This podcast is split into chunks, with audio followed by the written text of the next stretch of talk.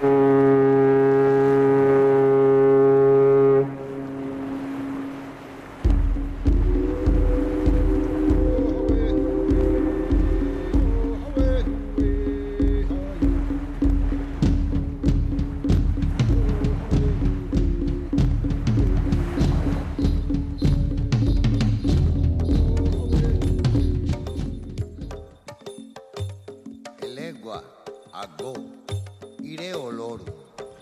¿Qué tal estáis? Os saludamos desde Levando Anclas, programa El Movimiento desde marzo de 1984, así que llevamos más de 38 años en la sintonía de Radio Euskadi.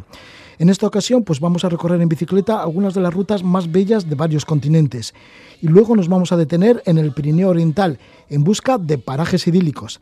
Así, para empezar estamos con la valenciana Belén Castelló, descubrió las posibilidades de la bicicleta en Ámsterdam. Allí conoció a Tristán Bogar, cicloviajero de largo recorrido, y Tristán le convenció para recorrer la costa de Noruega con la tienda de campaña. Aquella experiencia se multiplicó por muchas más y en la actualidad han hecho del viaje en bicicleta su forma de vida. Está en las librerías ya un volumen titulado Wildlife, en bici por el mundo. Recomiendan itinerarios y ofrecen información de todo tipo, por ejemplo, hasta recetas para cocinar con sartén y camping gas.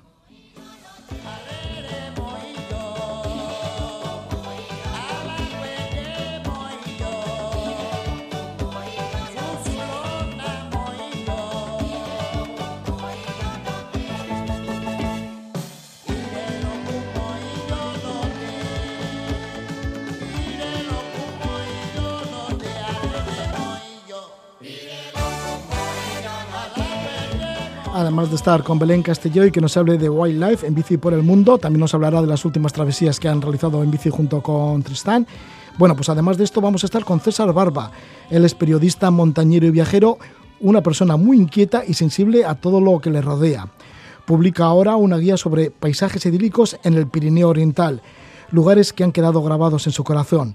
Así que César nos lleva por altas montañas y profundos valles cargados de historia y cultura esto nos va a llevar al Pirineo catalán, al final de Levando Anclas, pero ahora estamos con Belén Castelló para que nos, habla, nos hable de cómo han creado esa forma de vida alrededor de la bicicleta y también de los viajes.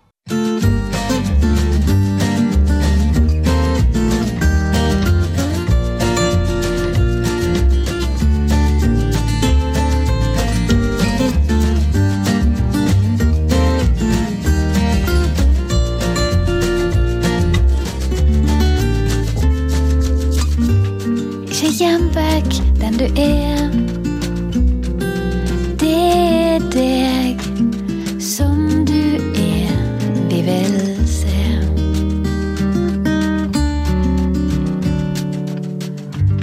Kan du tro på dine svar? Kan du la det ta den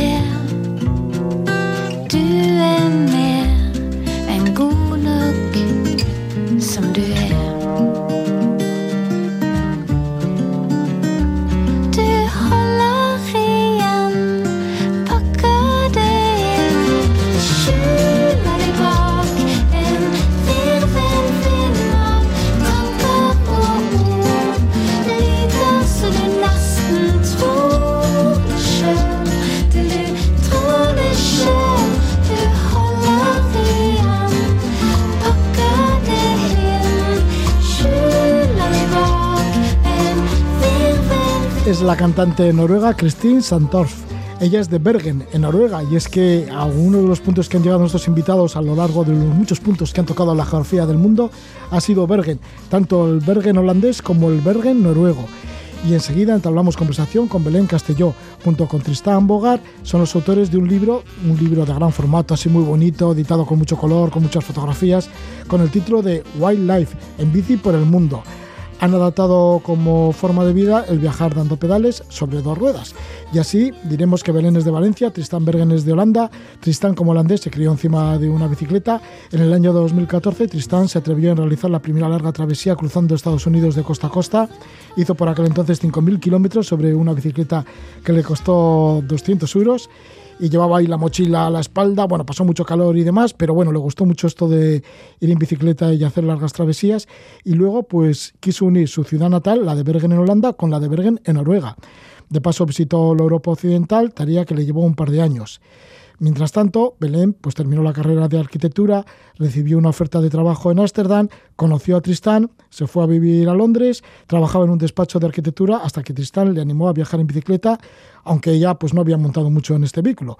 Total, que juntos pues, fueron a Noruega, estuvieron durante cuatro meses recorriendo todo lo largo de la costa noruega, eh, posteriormente estuvieron en los Alpes italianos, en los Dolomitas, pasaron dos inviernos descubriendo Portugal, hicieron la ruta de los pueblos blancos las provincias de Cádiz y Málaga, también hicieron las Islas Canarias, siete semanas, siete islas, y luego se atrevieron con la carretera del Pamir en Kirguistán y, y Tayikistán. Bueno, todo esto, además de una travesía por Estados Unidos, cruzando California, Oregón y Washington, lo relatan en este libro de gran formato que lleva ese título, Wildlife en bici por el mundo. Tenemos conexión con Belén Castelló, que se encuentra en Valencia. Belén, bienvenida, muy buenas noches. Hola, buenas noches. Qué, bien explicado todo. bueno, Belén, y encima me he quedado corto, porque bueno, en el libro, además de contar las propias experiencias, pues sí que dais un montón de recomendaciones, incluso hasta fórmulas, ¿no? Recetas para hacerlo en tienda de campaña y camping gas. Sí, cuando creamos este libro no solo queríamos contar nuestra historia, sino que además queríamos que fuese eh, lo que necesita uno para empezar a hacer un viaje en bici. Y es por ello que hay un montón de consejos tanto de rutas y cómo prepararse para cada país específico como en general como qué tipo de bici necesitas qué material hay que comprar cómo planear tu propia ruta qué pues sí, hasta el nicho, incluso lo que comentabas, como pequeñas recetas que hacer en una sola sartén, porque cuando estás de camino a la carretera, pues hay que apañarse con lo que se tiene y eso generalmente suele ser una, una sola sartén. ¿Cómo os alimentáis cuando estáis, por ejemplo, por la ruta del Pamir con esa sartén y cuáles pueden ser esas recetas para cocinar en una sartén y un camping gas? Pues justamente en Asia Central la verdad es que la dieta es muy muy limitada por lo que se puede encontrar allí. Eh, generalmente tenemos acceso a noodles, arroz y a, al forfón se llama. Y con eso lo combinas con las tres o cuatro verduras que suele haber, que es cebolla, patata, pimiento y zanahoria. Y pues eh, uno es lo más creativo posible con esa, esa poca variedad. Pero lo bueno de Asia Central es que cuando llegas a, a un pequeño pueblo, es tan económico comer en, en, cualquiera de estos restaurantes o incluso casas de la gente que muchas veces ni, ni cocinábamos. Sí, porque sí que eso habéis encontrado mucha hospitalidad a lo largo de todos los recorridos, como se puede leer en el libro.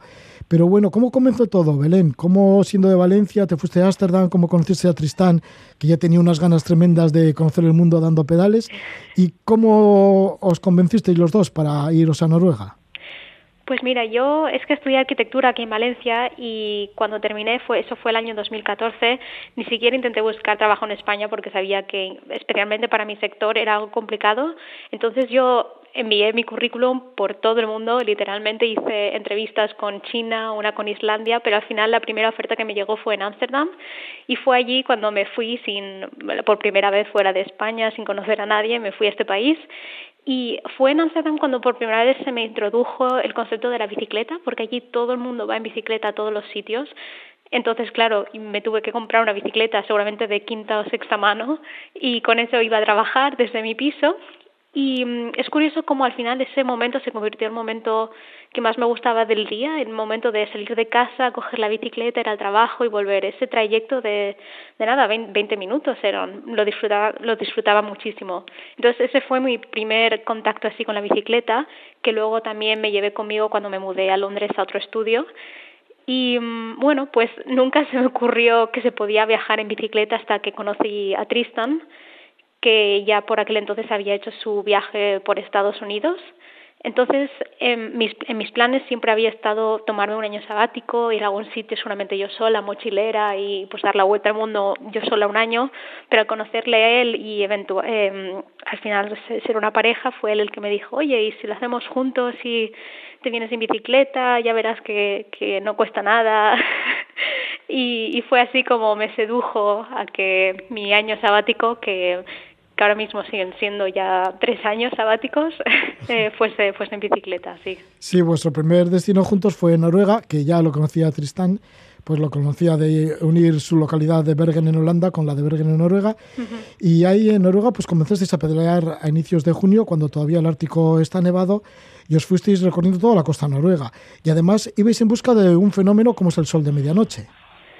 Sí, eh, es curioso porque llegamos en junio sin saber muy bien qué esperar. Mm, estas cosas las sabes, sabes que en Noruega hace frío y sabes esto que te dicen, no, sí, hay luz, hay luz, no se pone el sol, pero hasta que no llegas allí no te das cuenta de lo que significa porque el cuerpo no, no se cansa. Eh, son las 10 de la noche y te das cuenta, ostras, que no, no he parado de pedalear y, y, el sol está, está todavía alto. Entonces pierdes un poco la noción del tiempo y durante la primera semana nos costó mucho adaptarnos. teníamos que parar en plan, bueno, ahora hay que parar porque porque si no, no no descansamos. Y, y hubo incluso varios días que porque la luz era tan bonita durante la noche que terminábamos con la bicicleta hasta las 2, hasta las 3 de la mañana y luego nos íbamos a dormir más tarde. Total que fue fue un lío. Y además eh, estaba nevando en junio y yo nunca antes había dormido en una tienda de campaña por lo que las primeras noches fueron horrorosas. Lo pasé fatal porque tenía frío todo el rato llevaba todas las capas conmigo pero aún así no, no, no me calentaba. Pero bueno, a medida que íbamos yendo poco a poco hacia el sur, fui poniéndome en forma y, y adaptándome un poco también. Merece la pena conocer el sol de medianoche, porque ¿qué son? Como que el sol queda suspendido sobre el horizonte y no se termina por, por ir. Exacto, sí, es como un atardecer permanente durante seis horas más o menos.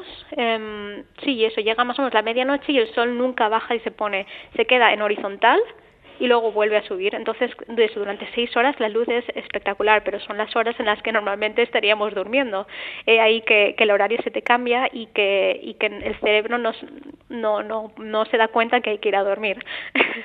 Entonces, eh, mascarilla es muy, muy importante cuando vas a, a Noruega durante el verano. Así que los escenarios son de postal, ¿no? Digo, porque si dura tanto el atardecer en Noruega y en la sí. costa noruega, pues tiene que ser muy bonito sí, Noruega en general es un país que en sí entero es un país de postal. Mm, es por ello también que lo escogimos como primer país, porque sabíamos que haríamos pocos kilómetros porque yo no estaba en forma. Entonces, da igual dónde parásemos, que siempre íbamos a tener una buena vista. Por eso escogimos Noruega. Y además Noruega tiene otra ventaja y es que la acampada libre está permitida. Entonces, eh, en el momento en el que te cansas, pues encuentras un buen sitio y pones la tienda de campaña. No hay que esconderse ni, ni que temer a, a, estar haciendo nada que no sea correcto. Y veis hacia Tromsø, que es una de las ciudades más septentrionales de Noruega. Y en el camino, además de estar por la parte continental, sí que fuiste a algunas islas, como por ejemplo la isla de Sella, que es la segunda más grande de Noruega, y también a las islas Lofoten. Sí.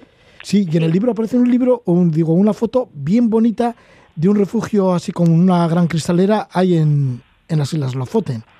Sí, es muy curioso porque es un refugio que se hizo por un, un estudio de, de, allí, de Noruega, un estudio de arquitectura, y se hizo con el propósito de dar alojamiento a ciclistas que estuvieran en esa zona porque eh, hay muchos, eh, muchas tormentas y vientos muy fuertes y, y es, un ensueño porque es una, no sé, no sabría cómo describirlo, como una cabaña, una cabina muy moderna, llena de, de vidrio y en mitad de, de, la nada, preciosa. Así que llegamos allí, yo ya lo conocía antes por mi, mis estudios de arquitectura está bien escondido, hay que saber dónde está para encontrarlo. Y llegamos allí y pasamos la noche y fue, fue, fue maravilloso, la verdad.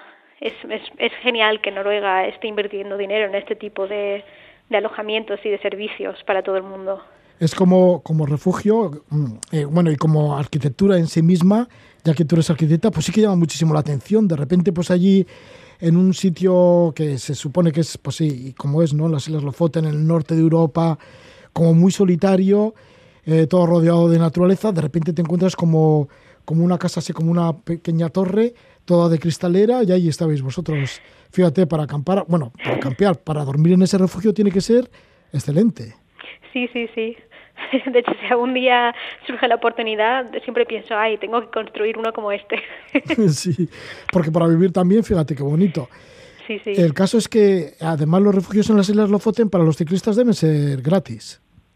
No, sí, sí. Bueno, este tipo de refugios son gratis para todo el mundo. Lo que pasa es que me parece que a día de hoy ya se están dando a conocer sus coordenadas y por tanto lo están utilizando personas que van en coche o que van en camper. Entonces, igual las restricciones en, su, en el futuro van a cambiar, pero por ahora todo es, es, gratuito y pues se confía en el que el que entre salga y lo deje todo como estaba sin ensuciar, claro. ¿Cómo son la isla de Sella y la isla de Lofoten para ir en bicicleta? Pues la verdad es que para ser Noruega son de las más sencillas porque no hay que subir y bajar tanto. El problema de Noruega son, uno, los fiordos, que son enormes y por tanto eh, vas a entrar en un fiordo y ves el otro lado donde tienes que llegar, pero sin embargo se mete tanto el fiordo que al final terminas haciendo 100 kilómetros para un punto en el que ves ya casi con tu vista una vez lo entras. Y el otro problema son que hay muchísimos pasos de montañas de mil y dos mil metros y a veces no puedes eh, cruzar en los túneles. Pero justamente eso, enseña y en Lofoten no hay que subir ni bajar tanto y las carreteras están muy, muy, muy tranquilas, quizá no tanto en julio-agosto, pero nosotros estuvimos en junio y la verdad es que fue una gozada. Además está lleno de estas típicas cabinas de los pescadores de color rojo. Eh, en general huele mucho a bacalao porque eh, lo pescan al principio del verano y lo, lo cuelgan para que se seque durante todo el verano, entonces hay, hay un olor muy característico, pero bueno, al final te acostumbras, incluso esto te gusta. Uno de los puntos álgidos de este paseo por Noruega, de cuatro meses en bicicleta, fue la ascensión al pico Ritten. Y es que también la montaña os atrae, porque luego habéis estado por la cordillera del Pamir. Y bueno, y en los Alpes varias veces, y en eh, los Dolomitas. Sí. nos gustan las montañas. sí. Pero mm, el ritual lo hicimos a pie y mm, a partir de ahora lo que hacemos es mm, intentar subir cuanto más alto posible con las bicicletas y ya si no es posible seguimos a pie. Aunque ahora a día de hoy hay un concepto nuevo que se llama hike a bike, que viene del inglés, que básicamente significa eh, hacer trekking con tu bicicleta. Entonces eso se está poniendo bastante de moda y mm, lo que haces es intentar ir con la bicicleta todo lo que puedas y cuando no puedas pues o la empujas o la levantas y también se hace para poder llegar a puntos en los que si no no se podría no se podría llegar con la bicicleta porque a veces nos pasa que hay por ejemplo una pista que sube una montaña luego los últimos metros hasta la cima no hay pista pero en el otro lado hay otra pista entonces para poder unirlas ah, cargas con la bicicleta. Pero esto es algo que hemos aprendido ya más recientemente. Sí, bueno, vais aprendiendo sobre la marcha y experimentando sobre vosotros mismos. La península ibérica, por ejemplo, también aparece en el libro extensamente y habláis de que pasasteis dos inviernos descubriendo Portugal y también Andalucía. Y por Andalucía además os fuisteis por los pueblos blancos, ¿no? Por la parte de, Cádiz, de Málaga. ¿Por qué elegisteis el invierno para descubrir Portugal y Andalucía? Pues eh, el invierno es genial para, para España y Portugal por las temperaturas. Sí que es verdad que estamos hablando de estar siempre cerca de la costa porque en cuanto te metes un poco más hacia adentro ya no hace tanto calor. Pero el primer año que cogimos el primer invierno lo hicimos en, en Portugal, hicimos desde el norte hasta el sur de Portugal, todo por la costa, y, es, es, estupendo porque estás en temporada baja, por lo que no hay nadie, absolutamente nadie. En las playas más famosas, más grandes, no hay prácticamente nadie, así que en la bicicleta se disfruta muchísimo porque no hay tráfico, los alojamientos están o, o cerrados o vacíos, entonces viajas muy tranquilo. Y lo mismo en el, en el sur de España. Eh, sí que es verdad que cuando nos metimos a hacer la ruta de los pueblos blancos, sí que tocamos montaña un poco y era el mes de noviembre y hacía un poco más de frío, pero bueno, aún así es, es muy recomendable. Y la otra ruta que hemos hecho también en, en invierno es en las Islas Canarias. Sí, porque hicisteis Canarias siete semanas, siete islas. Eso fue también, también un invierno y fue algo que yo me hacía mucha ilusión poder descubrir todas las islas. Había estado antes simplemente de vacaciones en un hotel como la mayoría de nosotros. Me hacía mucha ilusión descubrirlas en bicicleta y evitar todas las zonas más, más calientes y turísticas. Así que sí, estuvimos casi dos meses en, en las islas, hicimos una semana por isla y, es curioso ahora también viendo todo lo que está pasando en La Palma porque eh, estuvimos ahí hace nada, hace un par de años y ver las carreteras en las que nosotros pasamos y los picos. De todas formas, las Islas Canarias es un destino súper recomendable con la bicicleta porque están muy preparados en tema de infraestructura y bueno, también depende cuánto quieras escalar.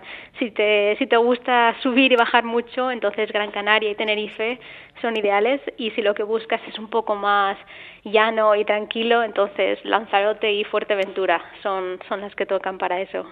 Las Islas Canarias, pues sí, una buena idea, siete islas en siete semanas que aparece en este libro, Wildlife en bici por el mundo. Y estamos con una de las autoras, con Belén Castelló, que junto con Tristan Bergen, pues son los autores de este libro en el cual pues van recomendando lugares que ellos mismos han visitado, su propia experiencia y luego, bueno, pues van asesorando también de cómo ir en bicicleta. Y uno de los puntos principales o uno de los más, mm, así como más de aventura, es la carretera del Pamir, por supuesto, porque es una de las mesetas más altas del planeta que se puede recorrer en bicicleta. Tiene 100 kilómetros de longitud, con un puerto de montaña de 4.650 metros de altitud. ¿Cómo os atrevisteis por la carretera del Pamir? Igual por lo legendaria que es. Sí, la carretera del Pamir es de hecho muy conocida entre ciclistas.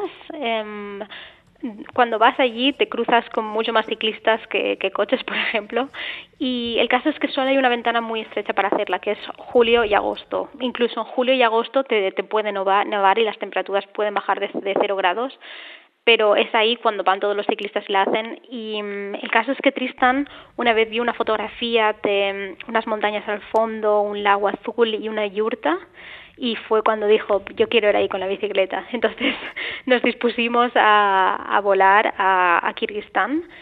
Tuvimos un shock cultural bastante fuerte los primeros días porque todo es diferente, eh, la cultura, la comida, el lenguaje, es muy difícil comunicarse, pero, pero en general la gente es súper amable y hospitalaria, así que estuvimos un mes en Kirguistán y otro mes en Tayikistán completando la, la ruta Pamir, que por cierto es, es bastante brutal porque tienes que planearlo bastante bien, son incluso tres, cuatro días sin, sin encontrar eh, sitios donde conseguir comida, así que hay que ir muy preparado, pero, pero es totalmente recomendable.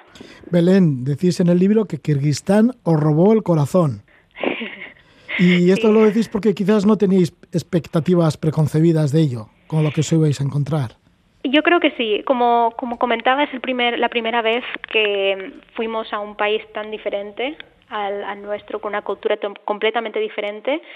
Y es curioso como los primeros días íbamos con cuidado, en plan, protege la bicicleta, a ver si nos van a robar porque somos turistas. Y nada, a los pocos días nos dimos cuenta que, que la gente no piensa así, como tenemos la costumbre igual, por ejemplo, en España. Y recibimos tanta hospitalidad. Eh, todo el mundo fue súper amable, casi no había días en los que alguien no nos invitaba a su casa a comer o nos daba comida o nos, nos invitaba a tomar té que um, nos sorprendió muchísimo y además es que los paisajes de Kirguistán son prácticamente indescriptibles. Um, 83% del país son todo montañas y la mayor parte de estas montañas son de más de 3.000 metros, así que os podéis hacer una idea de, de, lo, magnífico que, lo magnífico que es los picos y además es que está prácticamente sin, sin tocar, no hay torres de electricidad, no hay construcciones, cuando sales de las ciudades son todo yurtas que se van moviendo durante el verano, así que sí, es, es como volver al pasado, un pasado muy muy idílico, muy bucólico y por, por eso nos robó el corazón. Sí, y ahí estabais con vuestras bicicletas practicando la acampada libre, pues en praderas, a orillas del lagos, de lagos, ¿no? Por ejemplo, el lago Soncool de 3.200 metros de altitud y a veces pasabais tanto frío que sí que os rescataban eh, los nómadas de por allí, ¿no? Y os llevaban a sus campamentos de yurtas. Sí, sí, sí. Eh, no íbamos muy bien preparados y esto nos pasó una de las primeras semanas que... Está, a ver, estábamos bien, pero eh, era el segundo día que nos llovía consecutivamente. Llega un punto en el que cuando no sube de 5 grados no, las cosas no se secan. Entonces, en este camino, en mitad de la nada, llevábamos todo el día sin ver a nadie, paramos un momento a, a coger agua de un río y de repente al fondo llega una furgoneta, no, no hacemos nada de contacto, pero la furgoneta nos pasa y a los, nada, 10 metros de nosotros se para y sale un chico y nos mira, en plan, hmm, y nos, nos señala así con, con la mano, venid, venid. Eh, total que nos acercamos y abre, abre su furgoneta, la tiene completamente eh, vacía y nos dice, no, casi con los gestos, meted la bicicleta y os llevo arriba, porque estábamos a punto de hacer otro paso de 2.000 metros en el que seguro, bueno, cuando llegamos arriba con el coche estaba nevando muchísimo. Y esto seguía siendo principios de julio. Así que sí, nos recibimos un montón de ayuda y la gente muy amable. Sí, pues ahí estuviste por la cordillera del Pamir y luego pues ahí por Kirguistán y luego hiciste la Kirguistán a, de la ruta de Kirguistán a Dusbane, que es la capital de Tayikistán. Y para ello tuvisteis que ir por un desierto de altura. ¿Cómo es este desierto de altura? Este desierto es lo que forma parte de la ruta Pamir y es lo que comentaba que mm, por desiertos, desiertos, que no hay absolutamente nada. Hay tres pequeñas mm, aldeas en las que hay gente durante el verano y es ahí donde puedes encontrar comida, comida muy básica por supuesto, y generalmente puedes estar incluso uno o dos días en los que no encuentras agua, depende mucho del deshielo porque es una zona que también está llena de glaciares. Pero la sensación que tuvimos es como si estuviésemos en, en otro planeta porque hace frío, no hay, no hay nada, ves estas montañas muy marrones de colores también bastante extraños y, una mm, sí, supuesta carretera más o menos, un camino lleno, lleno, lleno de baches y de piedras que, que hay que seguir y bueno, pues eh, sabes más o menos la distancia que te tienes que hacer al día, creo que es un mínimo de 30 kilómetros diarios para conseguir llegar a tiempo sin, sin quedarte sin, sin comida. Suena, suena duro y cada vez que lo pienso me acuerdo que en el momento decía, uff, ¿qué hago aquí? Pero es que merece tanto la pena, es, es increíble, es precioso y, y por eso por eso lo recomiendo. Hay que hay que tener un poco de experiencia, que no sea el primer viaje de uno la, la ruta Pamir. Sí, en el camino hay muchas sorpresas, ¿no? En esta ruta mm, del Pamir, entre ellas, por ejemplo, que os encontrasteis dos cachorros de perro, que luego se llamaron Moca y Larry. Sí, esa, esa fue la anécdota de nuestro, de nuestro viaje en Tayikistán. Hay, hay muchos animales abandonados en estos países, por, por desgracia. Sí que es verdad que cuando están en las ciudades hay, la gente les baja comida y se les ve bien y por eso no, no habíamos hecho nada al respecto. Sin embargo, justo saliendo de la ruta Pamir a unos días de, de Dushanbe, de la capital, estábamos parados un momento y de repente veo que algo negro pequeñito cruza la carretera y digo, uff, esto, esto qué ha sido. Nos acercamos y, vemos dos, dos cachorrillos en la zanja al lado de la, de la carretera y estaban como abrazados a un cuerpo que nos imaginamos que era de la madre. Se, seguramente pues le habrá eh, dado un coche y habrá muerto ahí y tenía los dos cachorros al lado. Entonces Mm, por pura intuición pensamos, vamos, ¿qué hacemos? Los cogemos, los llevamos a la ciudad, porque siendo tan pequeñitos no, no iban a sobrevivir solos. Así que eso hicimos, los cogimos en una mochila, nos lo llevamos en la mochila hasta, hasta la capital y cuando llegamos allí nos, nos dimos cuenta que como no hay cultura de, de animales, no hay, no, hay, no hay ningún sitio donde dejarlos. Así que empezó la misión de, de por redes sociales escribir a gente, ya sabéis cómo sacar animales de aquí, qué tenemos que hacer. Y bueno, pues terminamos, terminamos llevándolos con nosotros de vuelta a Países Bajos y uno de ellos lo ha adoptado la madre de Tristan y otro está con una familia australiana y ahora mismo son dos perros enormes pero súper agradecidos que cada vez que vamos a verlos eh, se ponen a llorar y se acuerdan de nosotros. Así que nos alegramos mucho de que les hayamos rescatado al final. Sí, vaya historia más bonita. Bueno, pues ahí están felices los perros. Sí, bueno, pues Belén, además de las historias que estábamos contando que se encuentran en vuestro libro, este libro de gran formato, con fotografías a color, muy bien diseñado, lo edita Naya Turing, lleva el título de Wildlife en bici por el mundo. Además de esto, pues seguís pedaleando por el mundo y durante el pasado verano y otoño de 2021 Tristán y tú, Belén, pues habéis estado por los Alpes suizos, también por los Alpes julianos en Eslovenia, por los Dolomitas, por Abruzio en el centro de Italia, por Córcega, Cerdeña, en barco pasasteis a Barcelona y de allí hasta Valencia, en donde te encuentras ahora mismo. Bien, pues, eh, ¿cómo fue, por ejemplo, el tema de los Abruzzios, ahí en el centro de Italia? Digo, ¿qué ruta seguisteis? Pues teníamos muchas ganas de, volver a, con la bicicleta después de este gran parón que hemos tenido todos este año pasado. Así que mm, lo que hicimos es escoger estas rutas que eran rutas existentes y la de Abruzzo en concreto se llamaba Wolf's Lair, que significa la guarida del lobo esta es una ruta que está publicada en una página web que se llama bikepacking.com. Es un sitio en el, de referencia muy muy bueno para encontrar rutas mm, así un poco diferentes, más aventureras, con mucha más grava que asfalto. Y, Abruzzo también me sorprendió bastante porque yo no conocía el centro de Italia, mm, no es un destino en el que los turistas suelen, suelen ir, pero como está la cordillera de montañas Apeninas, se llaman, Em, pues otra vez hay mucho que escalar, pero también es muy bonito y hay um, muchas, em, muchos prados de gran altura con montañas de fondo, eh, mucho, mucho camino de tierra, muchísimos pueblos también pequeñitos, súper bonitos donde sentarse a tomar un café. Y fue, fue una ruta bastante relajada que nos gustó mucho. la, la, la hicimos más o menos en una semana y, y sí, la verdad es que también para aquellos que no quieran irse tan lejos como Tayikistán, Italia tiene un montón de oportunidades y rutas muy muy buenas para hacer en bicicleta. Pues sí, mira, si hacéis otro libro, ahí podéis asesorar también por estas rutas que habéis hecho últimamente por Europa y ahí por Italia, entre otras.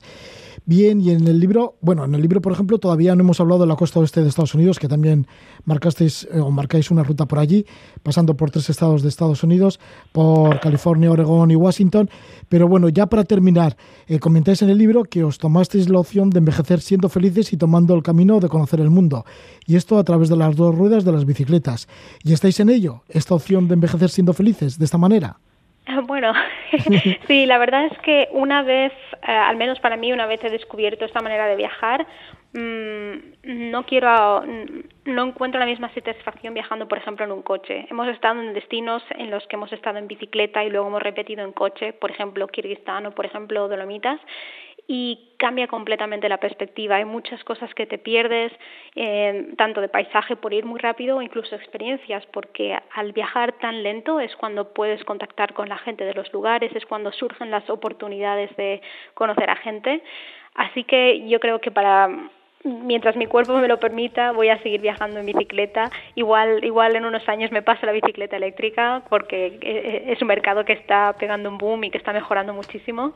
Así que yo creo que sí, seguiré viajando en bicicleta, aunque sea algunas eh, semanas o, o meses al año y, y, es algo que les recomiendo a todo el mundo que, que, que lo pruebe, que, que, yo tampoco lo había hecho antes, que da un poco de miedo, pero una vez, te, una vez lo pruebas, a los pocos días te coges el truquillo y te das cuenta de, de por qué es tan, tan especial. Bueno, pues seis seguidas, seguís con la bicicleta por ser tan especial y esa vida, esa vida que habéis tomado de conocer el mundo pues a través de las dos ruedas y esto lo demostráis en vuestro libro Wildlife, en bici por el mundo de los autores Tristán Bogar y con nosotros Belén Castelló. Muchísimas gracias Belén por esta conexión con Valencia. Muy bien, que tengas una buena noche.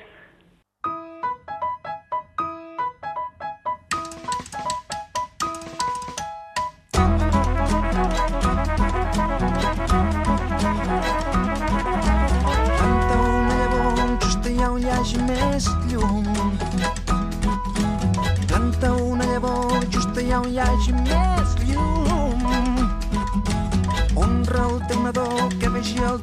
ben lluny. Teu nadó que vegi el do des de ben lluny. Les seves entranyes tan normals i tan estranyes. Ai, pobre d'aquí ho tapi tot en perfum. Ai, pobre d'aquí només senti fer-ho jo planto cara la por només sabent que hi ets tu. Jo planto cara la por només sabent que hi ets tu. És mirar les entranyes tan normals i tan estranyes com el cor d'una massana tan neta i tan sagrada.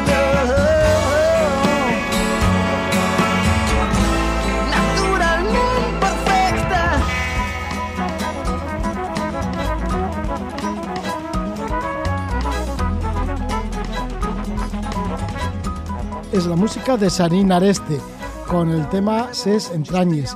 Y esto nos va a llevar al Pirineo catalán y para ello tenemos a todo un experto como es César Barba. Él es periodista de viajes y un gran conocedor de Cataluña. Autor e editor imparable, ha escrito guías de diversos países y ciudades del mundo, excursiones también por Cataluña.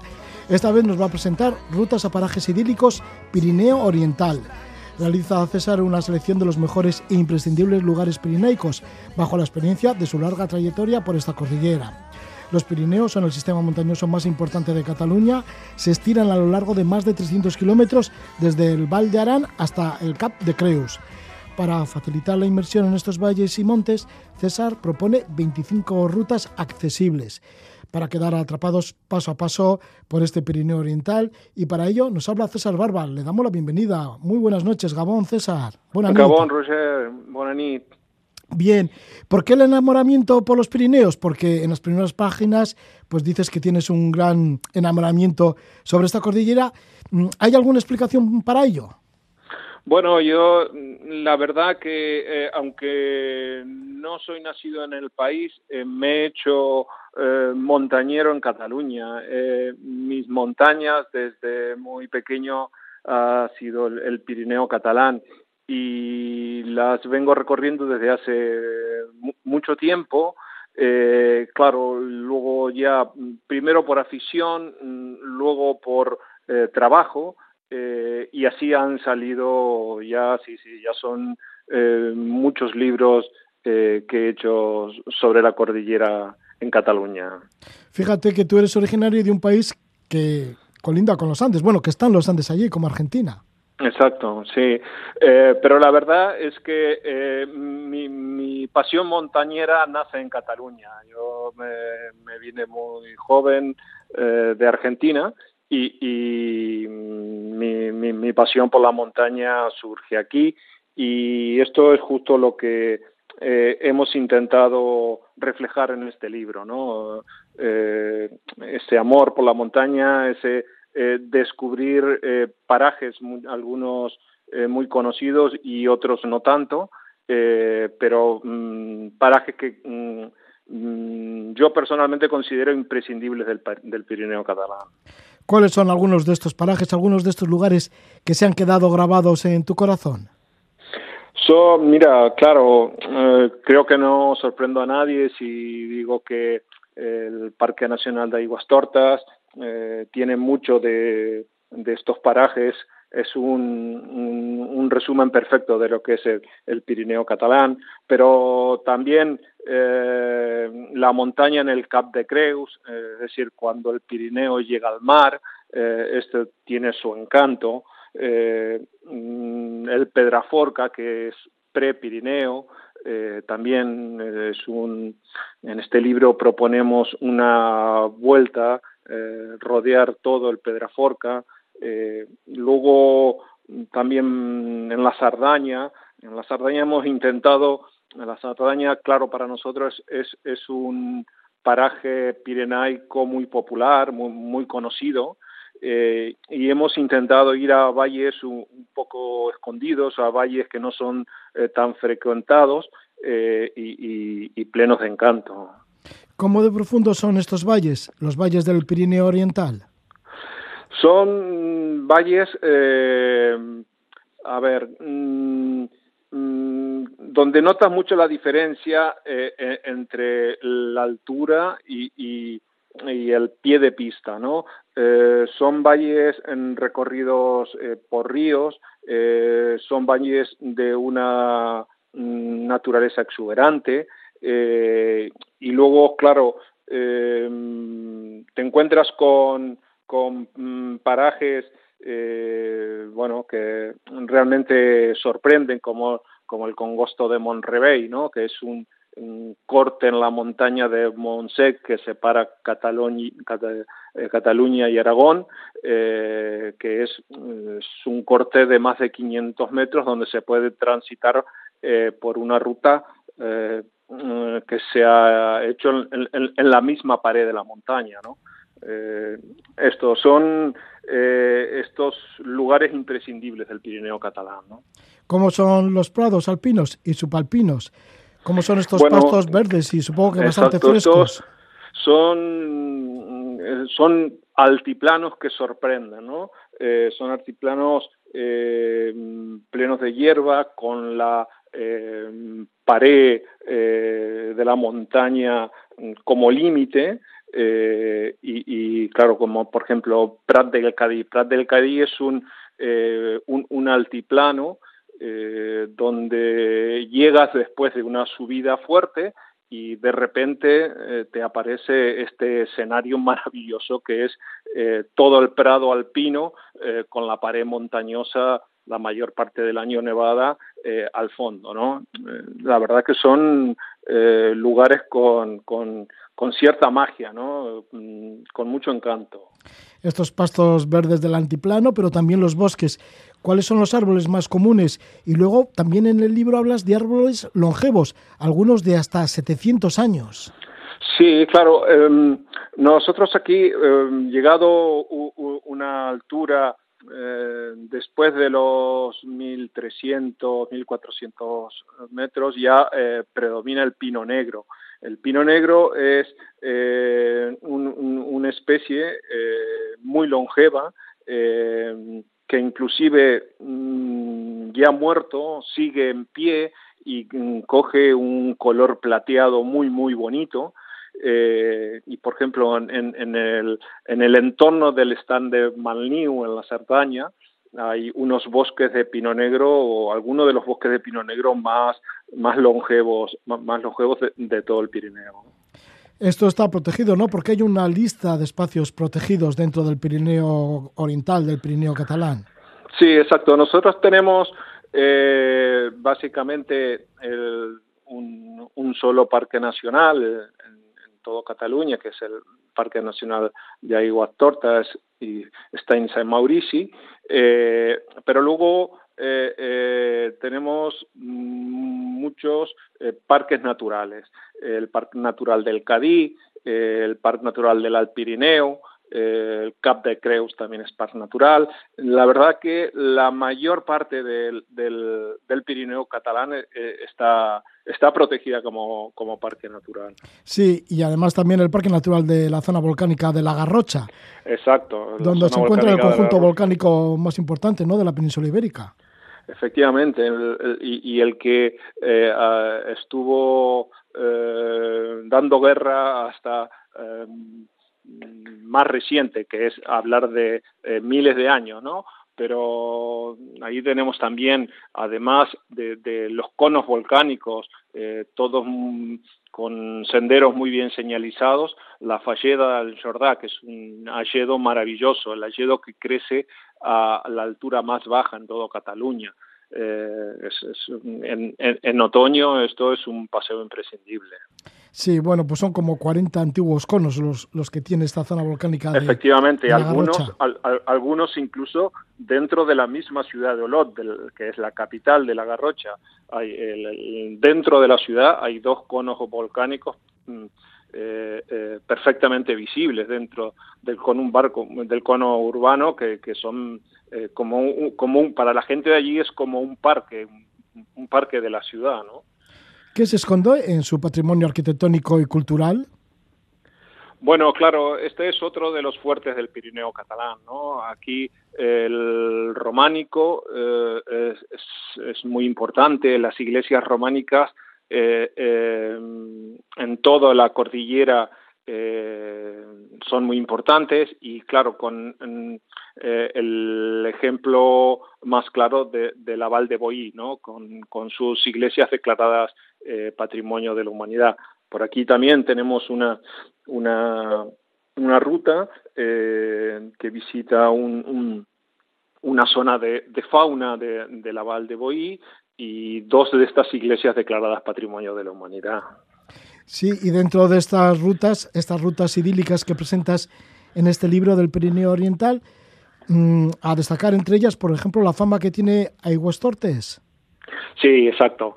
Eh, yo, eh, esto para nosotros, esto es un, un imprescindible, Aiguas Tortas, ¿no?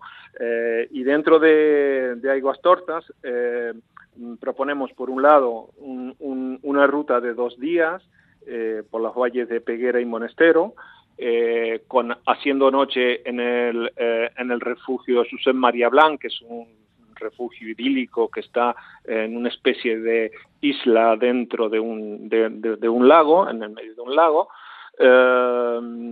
y bajando luego por todo, subiendo al Col de Monasterio y bajando desde allí. Y luego hay otra ruta eh, más familiar eh, por el planel de Aguas Tortas, esto es eh, una llanura inundada que es muy típica de la zona y que de hecho es la que ha dado nombre al, Parque Nacional, nosotros le llamamos las Aguas Tortas, este tipo de llanuras inundadas cuando se han colmatado los ríos que la van rellenando y, eso permanece de esta forma. Entonces, por allí hay una excursión con un paseo que acaba en, este, en, esta llanura, eh, mm, paseando por una zona elevada eh, por unas pasarelas de madera. también es, es, una de las zonas más bonitas del, del parque esta, ¿no? César, ¿y qué nos puedes contar de otros lugares, como por ejemplo el Val de la Llonsa, un lugar transfronterizo entre Francia, Cataluña y Andorra? Exacto, esta, la, Val de Ayosa es, esto que te decía, es un, valle de la Cerdaña, eh, atravesado por el, río de la Llosa. Eh, es un valle eh, muy poco visitado dentro de la Sardaña, que tiene es un, un, ascenso, es ida y venida por el mismo por el mismo camino sin ninguna dificultad y que llega hasta este punto tripartito eh, entre eh, Francia, Andorra y Cataluña eh, y que en buena parte coincide con el Camí del Bonsomas. El Camí del Bonsomas es un camino que va desde Berga hasta Montsegur, en Francia. ¿no? es un, el Valle de la Losa es, sí, exacto. Es, muy recomendable para que quien quiera eh, conocer eh, este valle, este gran valle de la Cerdaña, y dentro de ello uno de los sitios más bonitos y más desconocidos que hay en este valle. Dentro de la zona también se encuentra el Stani de Malniu, que bueno, Stani viene a ser como los Ibones en Aragón, ¿no? En el Pirineo Eso es. Exacto. Eh, este es un, un, un Stein también eh, con algunas características eh, geológicas muy particulares eh, y es un Stein que es un refugio de aves silvestres y mm, se llega hasta allí hasta a, través de mm, un antiguo, muy, muy, muy antiguo camino que se ha ido recuperando y que nos deja en este Stein que es la verdad, una maravilla, una de una belleza insólita, porque eh, es, eh, es un Stein que se ha creado eh, por el hundimiento de la, de, la, de la tierra y se fue rellenando con aguas subterráneas. y hoy por hoy, ya te digo, es, es un lugar de protección de aves porque muchas aves eh, paran allí en, sus migraciones. El estanque viene a ser como las lagunas de altura, ¿no? Que Efectivamente, sí, digamos que es, es, es, es, una laguna de altura. Bueno, de altura o no de altura. Está en, catalán le decimos a, a, las lagunas, a los lagos. Eso es. Bueno, que está el de Malllú recostado a los pies del macizo de Puigpedrós, de 2.915 metros, que viene a ser una montaña emblemática. Sí, exacto. Es una montaña eh, emblemática de la zona. Eh, nosotros dentro, bueno, dentro de este libro eh, ya planteamos algunas eh, excursiones a, montañas emblemáticas, por ejemplo, en, en, la zona del Ripollet se plantea el, ascenso al Puigmal, que es un 2900, bajando por la Val de Ribes. Eh, que también es una naval muy conocida, pero el ascenso al Puigmal es, es una, a, pesar de que es eh, un 2900, un ascenso apto para, para todo el mundo eh, y, con el aliciente de que el descenso los lo haces por el Polaval de Ribes, mm, que es también es, es, uno de los sitios con, con el con la Val de Ñuria, eh, el, Cremallera de Nuria es una zona también muy popular en Cataluña. para conocer el Pirineo catalán, sobre todo estos lugares imprescindibles. Aquí nos propone César Barba 25, 25 rutas bastante accesibles dentro de una guía que lleva el título de Rutas a parajes idílicos, Pirineo Oriental. Muchísimas gracias por estar con nosotros, César Barba, autor y editor imparable, autor mm, de muchos libros de viajes, de guías y buen conocedor de Cataluña. Esta vez pues, nos ha paseado por el Pirineo Oriental. Gracias por todo, César Barba. Eh, gracias a vosotros, Roger. Rutas a parajes idílicos, Pirineo Oriental, lo edita Sua Edicióac. Feies força i a temps i allà on es troben les línies un pas estret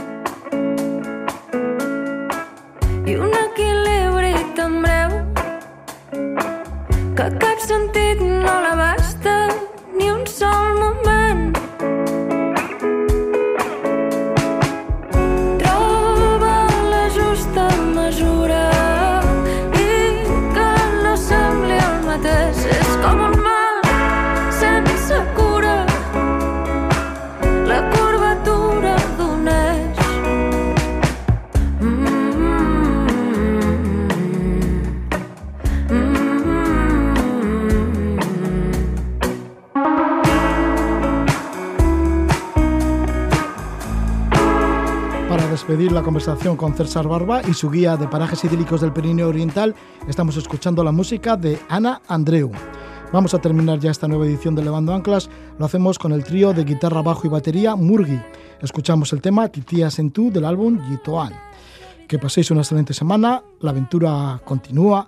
Gracias por la escucha. Dulces sueños.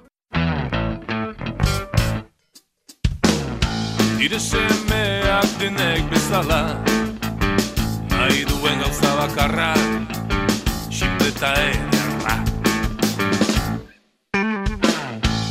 Ezin da handik kendu Ez badu bukatu Behar du. Titia sentitu Titia sentitu. Titia sentitu Titia sentitu